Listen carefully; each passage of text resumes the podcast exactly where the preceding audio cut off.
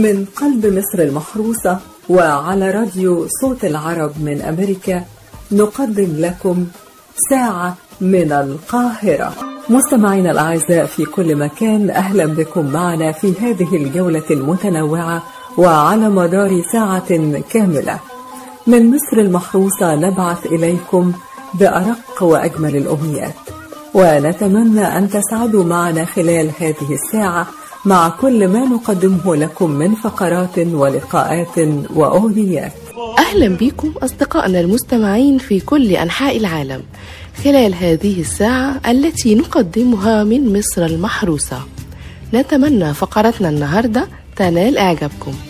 ونحب ننوه في البداية إن إحنا هنكون معاكم كل يوم اثنين وخميس من الساعة الخامسة للساعة السادسة مساء بتوقيت الساحل الشرقي للولايات المتحدة. سيداتي وسادتي أهلا بكم معنا في هذه الفقرة الإخبارية التي نقدمها لكم من القاهرة.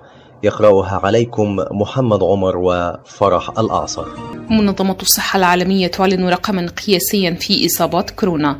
حيث أعلنت منظمة الصحة العالمية تسجيل زيادة قياسية في حالات الإصابة بفيروس كورونا على مستوى العالم الأحد.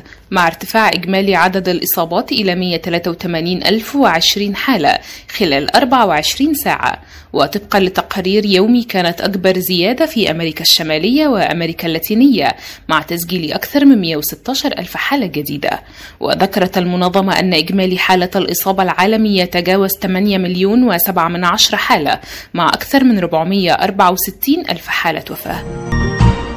الصين تغلق مصنعا لبيبسي وتحظر استيراد أغذية أمريكية.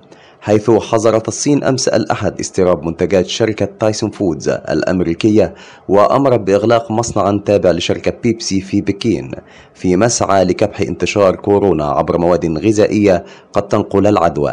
وأعلنت العاصمة الصينية أمس تسجيل 22 إصابة جديدة بفيروس كورونا المستجد فيما تقوم السلطات بإخضاع أكثر من مليوني شخص لفحوص بهدف احتواء بؤرة جديدة لوباء كوفيد 19 في بكين.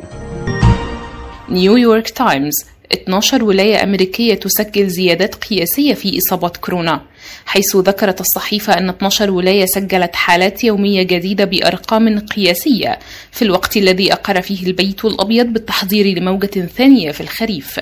واحتلت الولايات المتحدة التي سجلت أول وفاة بالوباء أوائل فبراير الماضي المركز الأول في قائمة الدول الأكثر تضررا بالفيروس سواء بعدد الوفيات أو الإصابات المسجلة. وبلغ عدد الوفيات في الولايات المتحدة جراء فيروس كورونا 119719 وفاة من أصل 2 مليون 255 ألف و119 حالة إصابة بينما سجل نحو 617460 حالة تعافي من المرض. ترامب يجب أن نحمي ونعتز بشرطتنا. وأكد الرئيس الأمريكي دونالد ترامب اليوم الاثنين أن الديمقراطيين يسعون هذا الأسبوع لتمرير مشروع قانون يدمر الشرطة. وقال في سلسلة تغريدات نشرها على منصة تويتر إن أعضاء الكونغرس الجمهوريون يقاتلون لإفشال مشروع الديمقراطيين كما أضاف يجب أن نحمي ونعتز بشرطتنا فهي تحافظ على سلامتنا. بوتين يفكر في فترة رئاسية جديدة. وقال الرئيس الروسي فلاميدير بوتين إنه يفكر في الترشح لفترة رئاسية جديدة إذا وافق الناخبون على تعديلات دستورية تمكنه من ذلك إذ لا تمكنه القيود الدستورية الحالية من السعي لفترة جديدة. وفي مقابلة مع التلفزيون الرسمي نقل عن بوتين قوله أنا لا أستبعد احتمال الترشح للمنصب إذا ظهر هذا الخيار في الدستور. مضيفا لم أقرر أي شيء لنفسي بعد. بثلاثة آلاف بالون كوريا الشمالية تعاقب الجارة الجنوبية. فقد أعلن كوريا الشمالية الأحد أنها جهزت ملايين المنشورات الدعائية المناهضة لسول وآلاف البالونات لإرسالها إلى كوريا الجنوبية في عقاب ثأري ضد الجارة الجنوبية. حيث أعلن الشمال التجهيز لحملة ترويج منشورات معادية للجنوب. ردا على إرسال منشورات معادية لنظام بيونغيانغ عبر الحدود. وقالت التقارير أن التجهيزات لأكبر حملة توزيع منشورات ضد العدو شارفت على الانتهاء وأضافت أن مؤسسات نشر وطبع من جميع المستويات في العاصمة جهزت 12 مليون منشور من جميع الأصناف وأنه تم إعداد أكثر من 3000 بالون من جميع الأصناف قادرة على إيصال المنشورات إلى عمق كوريا الجنوبية. كلوب يهاجم رئيس وزراء بريطانيا أشعر أني كائن فضائي. حيث هاجم مدرب ليفربول الإنجليزي يورجن كلوب الحكومة البريطانية ورئيس الوزراء بوريس جونسون بسبب البطء في اتخاذ القرارات الحاسمة بشأن فيروس كورونا المستجد. وأبدى كلوب استغرابه التام من عدم فرض قوانين أكثر ثرامة بشكل مبكر لمنع تفشي الفيروس وحماية السكان. وأضاف المدرب الألماني عندما أذهب لمحطة الوقود أنا الشخص الوحيد الذي يرتدي الكمامة والقفازات. أشعر بأنني كائن فضائي. واشنطن. نحث على وقف النار واستئناف مفاوضات ليبيا فورا. فقد أصدر مجلس الأمن القومي الأمريكي اليوم الاثنين بيانا حول الأوضاع في ليبيا. قال فيه على تويتر تعارض الولايات المتحدة بشدة التصعيد العسكري في ليبيا من جميع الجهات ونحث الأطراف على الالتزام بوقف إطلاق النار واستئناف المفاوضات على الفور. وتابع يجب أن نبني على التقدم من خلال محادثات الأمم المتحدة ومبادرة القاهرة وعملية برلين. مصر تقول يدنا ممدودة بالسلام. وتستهجن بيان المجلس الرئاسي الليبي والذي يسعى مجددا للاستقواء على سائر الليبيين بطرف خارجي لا يحرص على تحقيق مصالح الشعب الليبي بل يسعى لنهب ثرواته. وقال مصدر في وزارة الخارجية المصرية مساء الأحد إن القاهرة تشجع الليبيين من الوطنيين الشرفاء الحريصين على مستقبل بلادهم على التوافق بشأن حل سياسي عقلاني. لا دور فيه للمتطرفين ويحفظ وحدة وسلامة أراضي ليبيا ويؤمن مستقبل أجيالها. لأسباب تقنية تأجيل اجتماع وزراء الخارجية العرب بشأن ليبيا. فقد أعلنت جامعة الدول العربية مساء الأحد أنها أرجأت إلى الثلاثاء موعد انعقاد اجتماع طارئ على مستوى وزراء الخارجية لبحث تطورات الأوضاع في ليبيا وملف سد النهضة الإثيوبي. والذي كان مقررا أن يعقد يوم الاثنين مشيرة إلى أن أسباب الإرجاء هي أسباب تقنية لأن الاجتماع سيعقد عبر الإنترنت. دبي تسمح بعودة المقيمين غدا وتستقبل السياح الشهر المقبل. فقد سمحت دبي بعودة حاملي الإقامات السارية اعتبارا من الغد. كما سمحت باستقبال المسافرين عبر مطاراتها اعتبارا من 7 يوليو وأعلنت دولة الإمارات السماح للمواطنين والمقيمين بالسفر إلى خارج الدولة اعتبارا من 23 يونيو الحالي وفق ضوابط محددة. السعودية ترفع شعار نعود بحذر. فقد استأنفت المملكة العربية السعودية أنشطتها الاقتصادية أمس الأحد بعد إنهاء منع التجول مع رفع المغردين السعوديين شعار نعود بحذر للحث على الالتزام بالإجراءات الاحترازية لوقف انتشار فيروس كورونا وعاد ما يزيد على 75% من الموظفين في الجهات الحكومية إلى أعمالهم. الأردن يؤكد وقوفه إلى جانب مصر في مواجهة أي تهديد. وأكد وزير الخارجية الأردني أيمن الصفدي يوم الأحد وقوف الأردن الكامل إلى جانب مصر في مواجهة أي تهديد لأمن واستقرار أراضيها مشددا على أن أمن مصر هو ركيزة أمن واستقرار المنطقة برمتها. السودان يبدأ في استقبال عشرة آلاف عالق وسط إجراءات صحية مشددة. حيث بدأ مطار الخرطوم الدولي وبعض المنافذ البرية في استقبال الدفعات الأولى من السودانيين العالقين بالخارج والبالغ عددهم نحو عشرة آلاف. بينهم مرضى وسياح وتجار وطلاب.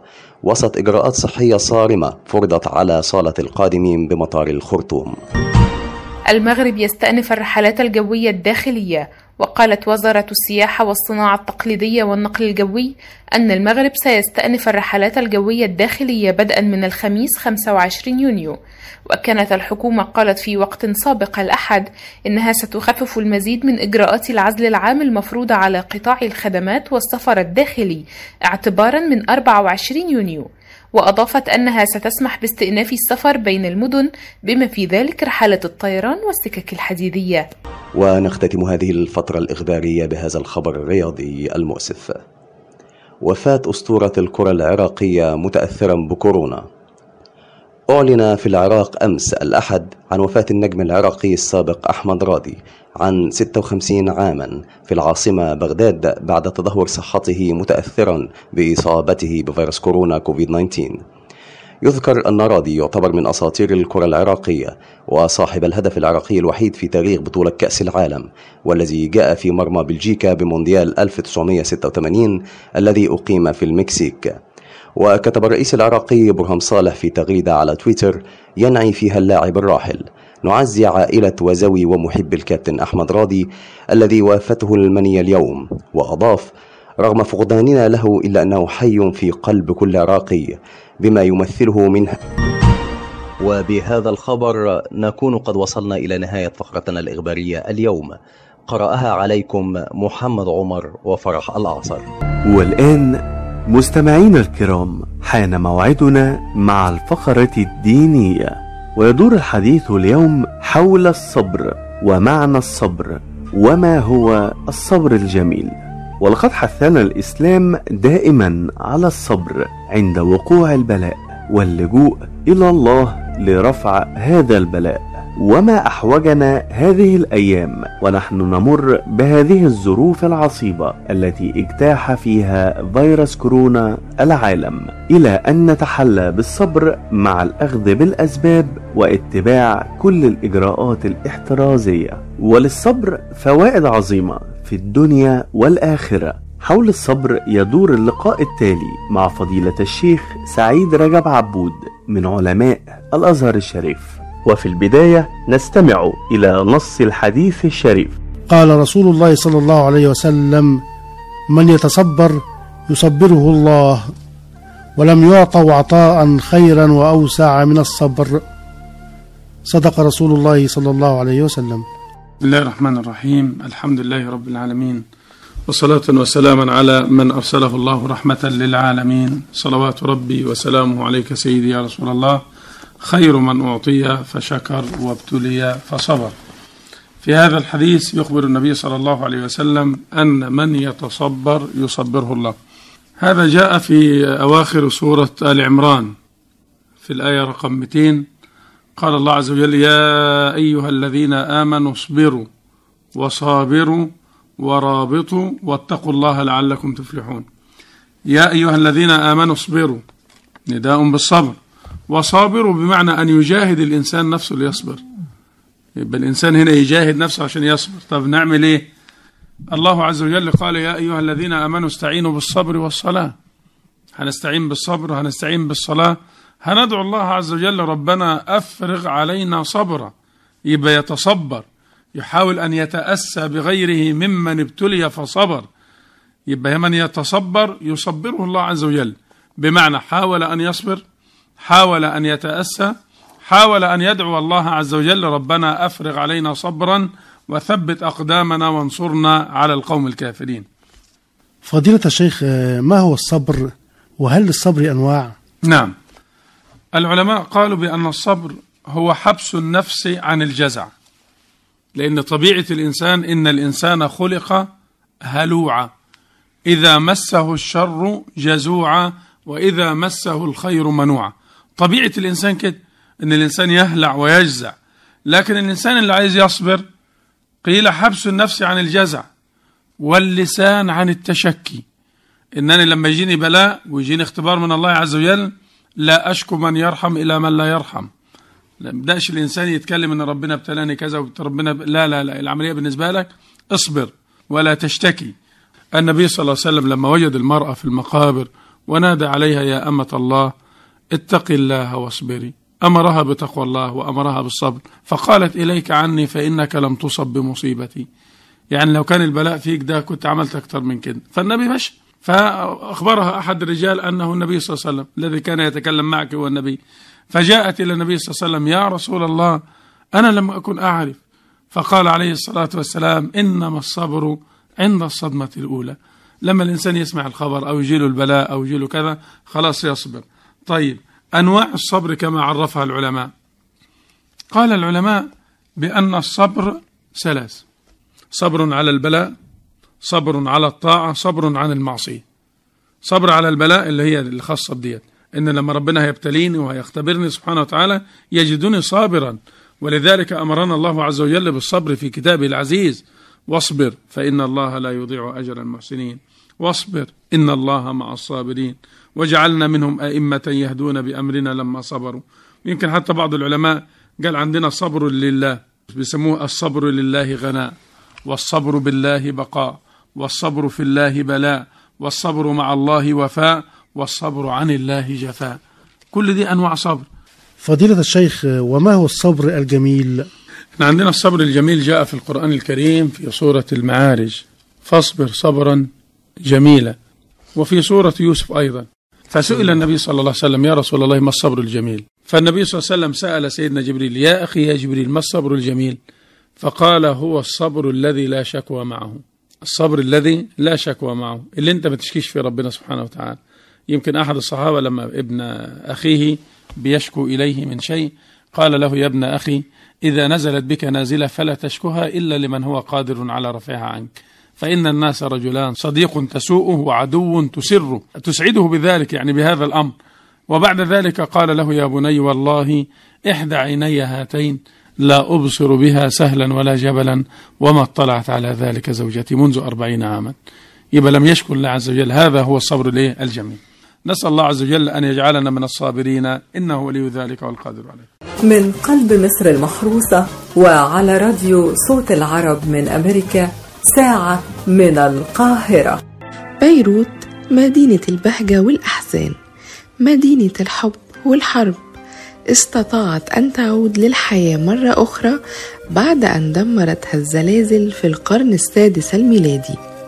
واستطاعت أن تعيد الابتسامة لوجهها مرة أخرى بعد أن دمرتها الحرب الأهلية لمدة 15 عام. وأتت على الأخضر واليابس. بيروت هي العاصمة السياسية للجمهورية اللبنانية والمدينة الأكبر. يتعدى عدد سكانها المليوني نسمة بحسب أحد إحصائيات سنة 2007 تقع وسط الخط الساحلي اللبناني شرقي البحر الأبيض المتوسط. تتركز فيها معظم المرافق الحيوية من صناعة وتجارة وخدمات. تعد المدينة إحدى أهم المؤثرات الثقافية في منطقة الشرق الأوسط والوطن العربي لغناها بالأنشطة الثقافية كالصحافة الحرة والمسرح ودور النشر ومعارض الفنون والمتاحف وعدد كبير من الجامعات الدولية. في عام 2009 قامت صحيفة نيويورك تايمز بمنح بيروت المركز الأول بين قائمة الأماكن التي ينبغي زيارتها. كما تم تصنيفها من ضمن المدن العشر الأوائل الأكثر حيوية في عام 2009 بواسطة دليل لونلي بلانيت السياحي وكشف مؤشر ماستر كارد لعام 2011 أن بيروت استأثرت بالمركز الثاني من حيث نسبة البذخ السياحي بين جميع مدن الشرق الأوسط وإفريقيا. يعود تاريخ بيروت إلى أكثر من 5000 عام وقد بنيت من قبل أهل جبيل وما لبثت أن كبرت وعمرت بالسكان وأصبحت مملكة مستقلة على الساحل الذي كان يعرف باسم فينيقيا. وعبد أهلها إلها خاصا بها اسمه بال بيروت أي إله أو سيد بيروت. وضربت باسمها عملة نقدية تحمل رسما يمثل هذا الإله. وأول إشارة لمدينة بيروت تعود للقرن الخامس عشر قبل الميلاد حيث ذكرت في رسائل تل العمارنة المسمارية. وتدل أعمال الحفريات الأثرية في وسط بيروت على تنوع الحضارات التي مرت على المدينة. فقد عثر على طبقات متعددة من الآثار الفينيقية والهيلينية والرومانية والعربية والعثمانية. وورد أول ذكر لاسم بيروت بلفظ بيروتا في ألواح تل العمارنة سماها الفينيقيين بيريت. هي كلمة فينيقية تعني الآبار.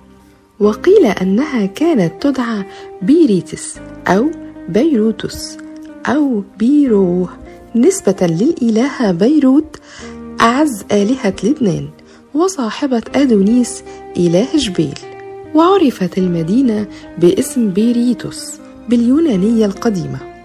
وذكر أن بيروت بالمعنى السامي تعني الصنوبر.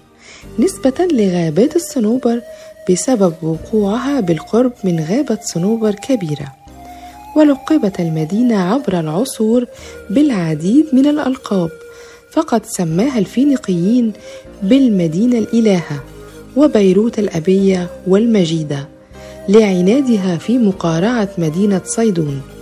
كما أطلق عليها زهرة الشرق وأطلق عليها الرومان أم الشرائع بسبب بناء أكبر معهد للقانون بالإمبراطورية فيها.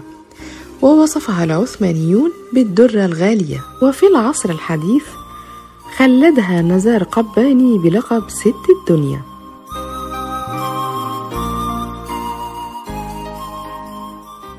يا ست الدنيا يا بيروت من باع أساورك المشغولة بالياقوت؟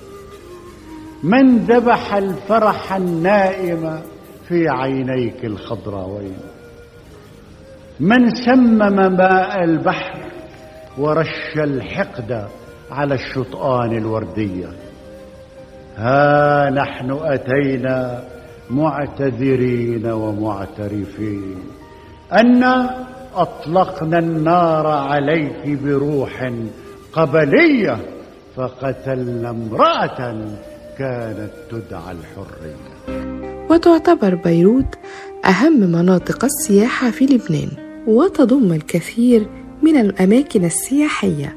منها وسط بيروت خليج زيتونة مسجد محمد الأمين المتحف الوطني كورنيش بيروت وساحة النجمة الحديقة الأثرية وغيرها من الأماكن السياحية في عاصمة لبنان عاصمة الفن والسحر والخيال. في النهاية شكرا لكم مستمعينا الأعزاء. كنت معكم من القاهرة صوفيا حيتم لراديو صوت العرب.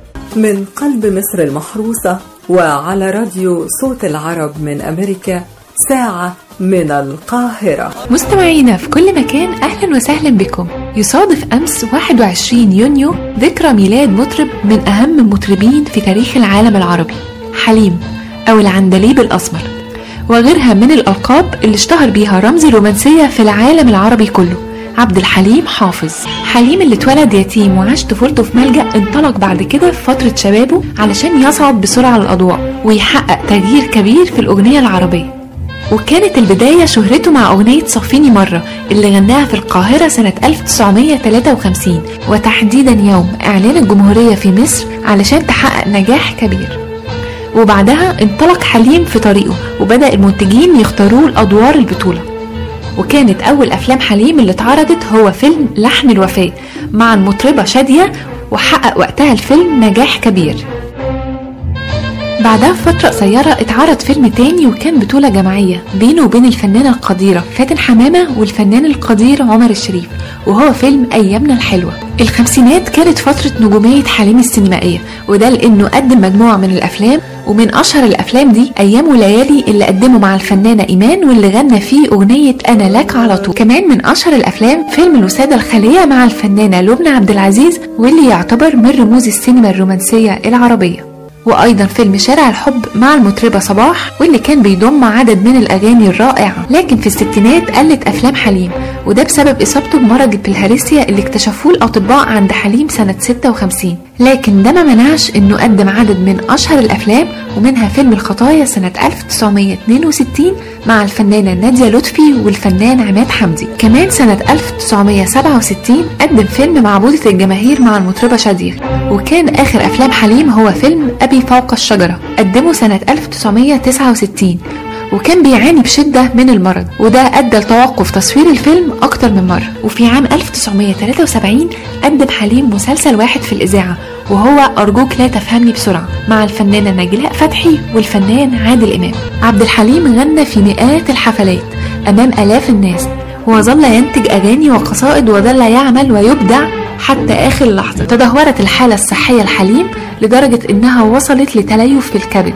وبعد إجراء 61 عملية اشتد عليه المرض وتوفي في لندن يوم 30 مارس عام 1977 لم يكن خبر وفاته خبر عادي وشيع جثمانه في جنازة ليس لها مثيل حيث حضر جنازته أكثر من 2.5 مليون مصري. وانتحرت العديد من الفتيات بعد وفاته حزنا على عندلبهم الأسمر الذي فقدوه ولكن صوته سيبقى إلى الأبد. من قلب مصر المحروسة وعلى راديو صوت العرب من أمريكا ساعة من القاهرة. يا مساء السعادة أعزائي المستمعين أهلا بكم من جديد وفقرة حكايات.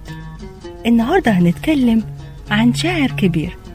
تغنت بكلماته معظم المطربين اللي بنحبهم. تمر علينا اليوم 22 يونيو ذكرى رحيل الشاعر الكبير صالح جودة والذي يعرف بمادح الملوك. والذي رحل عنا في الثاني والعشرين من شهر يونيو عام 1976 عن عمر بلغ 64 عاما حيث ولد في الثاني عشر من ديسمبر عام 1912 بالعاصمة المصرية القاهرة. أحب صالح جودة الشعر وظهرت عليه علامات النبوغ وبوادر موهبته الشعرية منذ كان طالبا بالمرحلة الثانوية وتعرف على كبار الشعراء وقتها.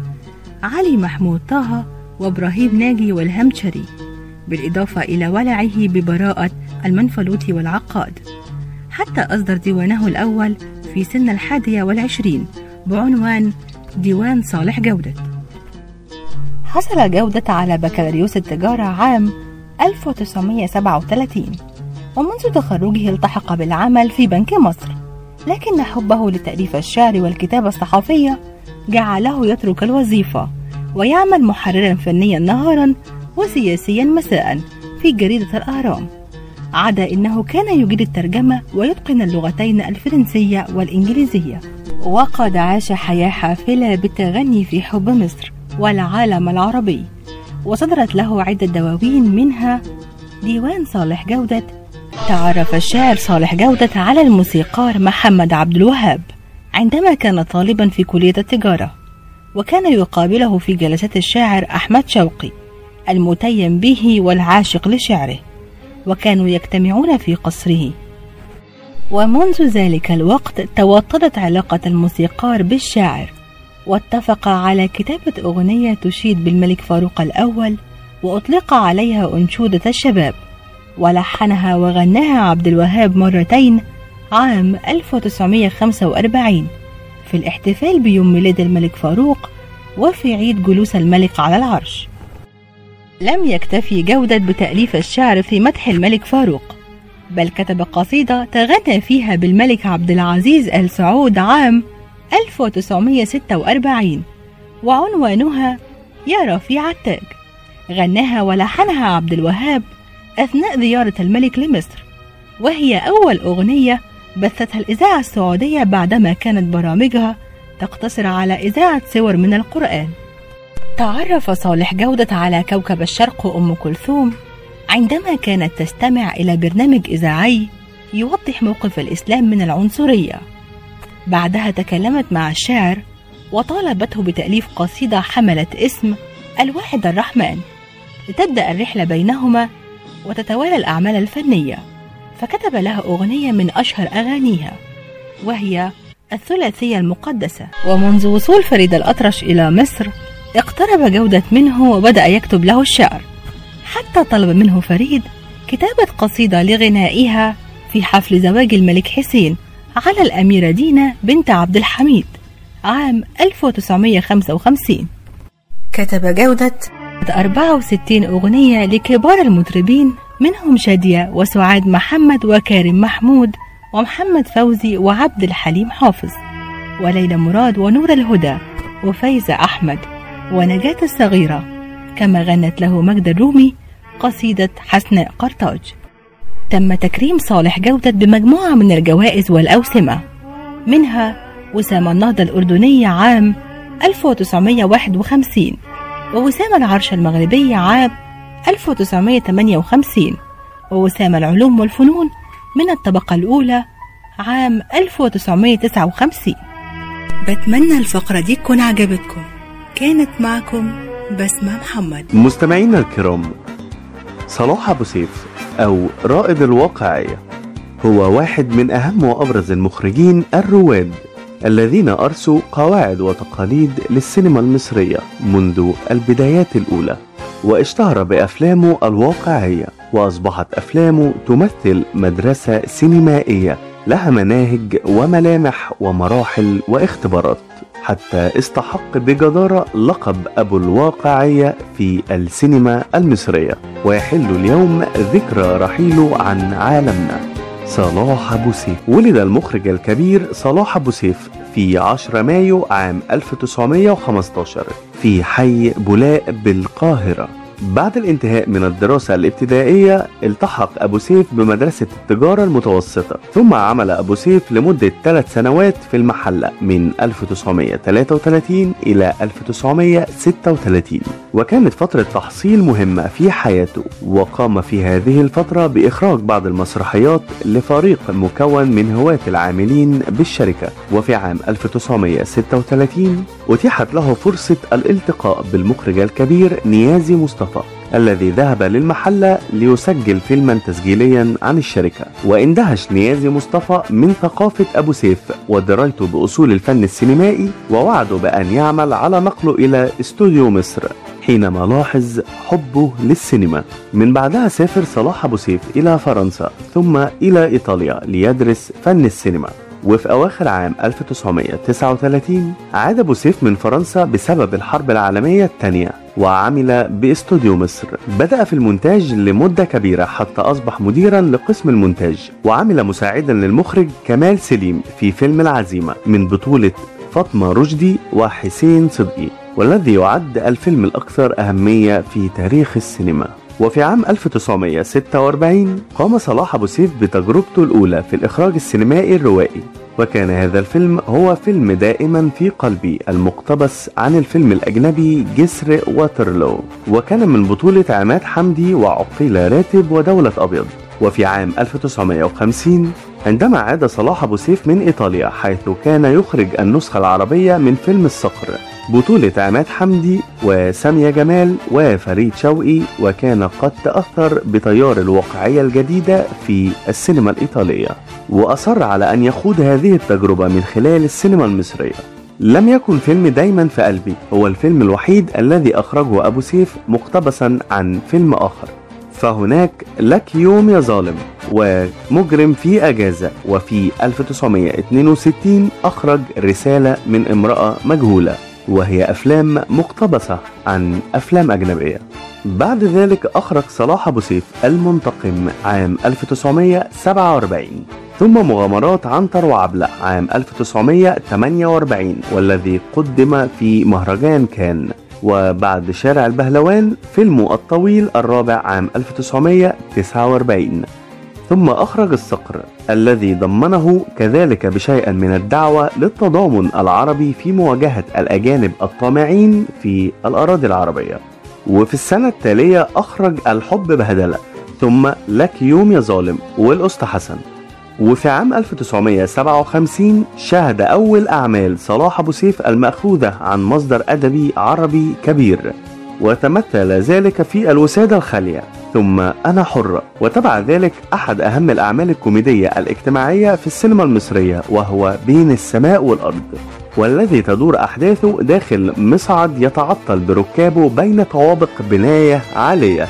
وكيف تظهر معادن ومواقف الركاب في إطار درامي كوميدي يعبر عن الواقع؟ توقف أبو سيف عن الإخراج ثلاث سنين قبل أن يعود إلى السينما بفيلم مهم وهو القاهرة 30 والذي رشح للأوسكار والذي تناوله عن رواية الأديب الكبير نجيب محفوظ الحاصل على جائزة نوبل في الأدب. ثم أخرج الزوجة الثانية عام 1967 وبعد الزوجة الثانية عاد أبو سيف إلى السياسة مرة أخرى.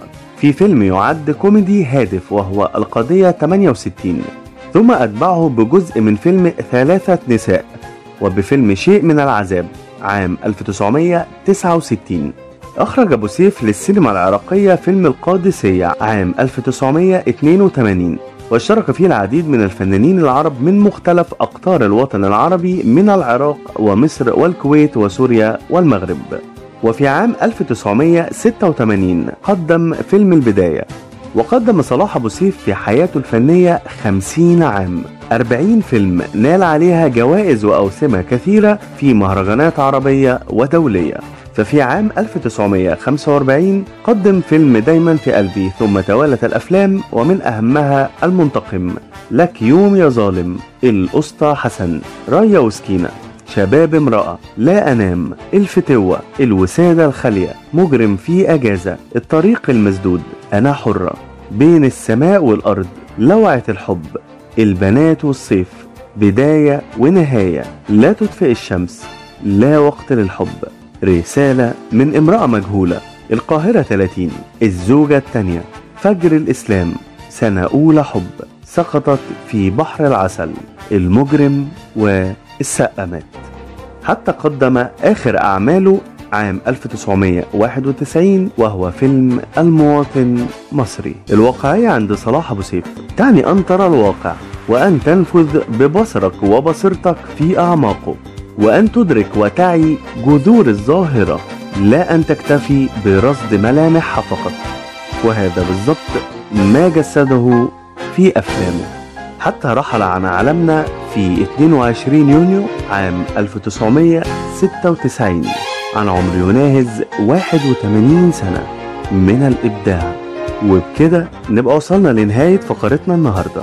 شكرا لاستماعكم. كان معكم محمد صبري. مستمعينا في كل مكان أهلا بيكم زي النهاردة يوم 21 يونيو سنة 2001 رحلت عن عالمنا فنانة متعددة المواهب. حيث كانت تقوم بالغناء والتمثيل وفن الاستعراض ومن أشهر الفنانات في مصر والوطن العربي. ولقبت بسندريلا الشاشة العربية. هي الفنانة سعاد حسني. ولدت سعاد حسني في حي بولاق في القاهرة لأب ينتمي لعائلة شامية وأم مصرية. وكانت لها ستة عشر أخا وأختا وكان ترتيبها العاشر. ولها شقيقتين فقط هم كوثر وصباح. وقد انفصل والدها عندما كانت في الخامسة من عمرها. صاحب الفضل في اكتشاف موهبتها الفنية هو الشاعر عبد الرحمن الخميسي وعملت معه مسرحية حملت لشكسبير ثم ضمها إلى المخرج بركات لفيلم حسن ونعيمة ثم توالت بعدها تقديم الكثير من الأفلام وثماني مسلسلات إذاعية. وتعتبر أفلام حسن ونعيمة وصغيرة على الحب وغروب وشروق والزوجة الثانية وأين عقلي وشفيقة ومتولي والكرنك وأميرة حبي أنا من أشهر أفلامها. بالإضافة إلى فيلم خلي بالك من زوزو وصل رصيدها السينمائي. واحد وتسعين فيلم. منهم أربع أفلام خارج مصر بالإضافة إلى مسلسل تلفزيوني واحد وهو هو وهي. وثماني مسلسلات إذاعية. حصلت سعاد حسني على جوائز عديدة منها جائزة أفضل ممثلة من المهرجان القومي الأول للأفلام الروائية عام 1971 عن دورها في فيلم غروب وشروق وحصلت أيضا على جائزة من وزارة الثقافة المصرية خمس مرات. عن أفلام الزوجة الثانية غروب وشروق أين عقلي القرنك وشفيقة ومتولي؟ وأيضا حصلت على جائزة أفضل ممثلة من وزارة الإعلام المصرية عام 1987 تعيد التلفزيون عن دورها في مسلسل هو وهي. هي وهو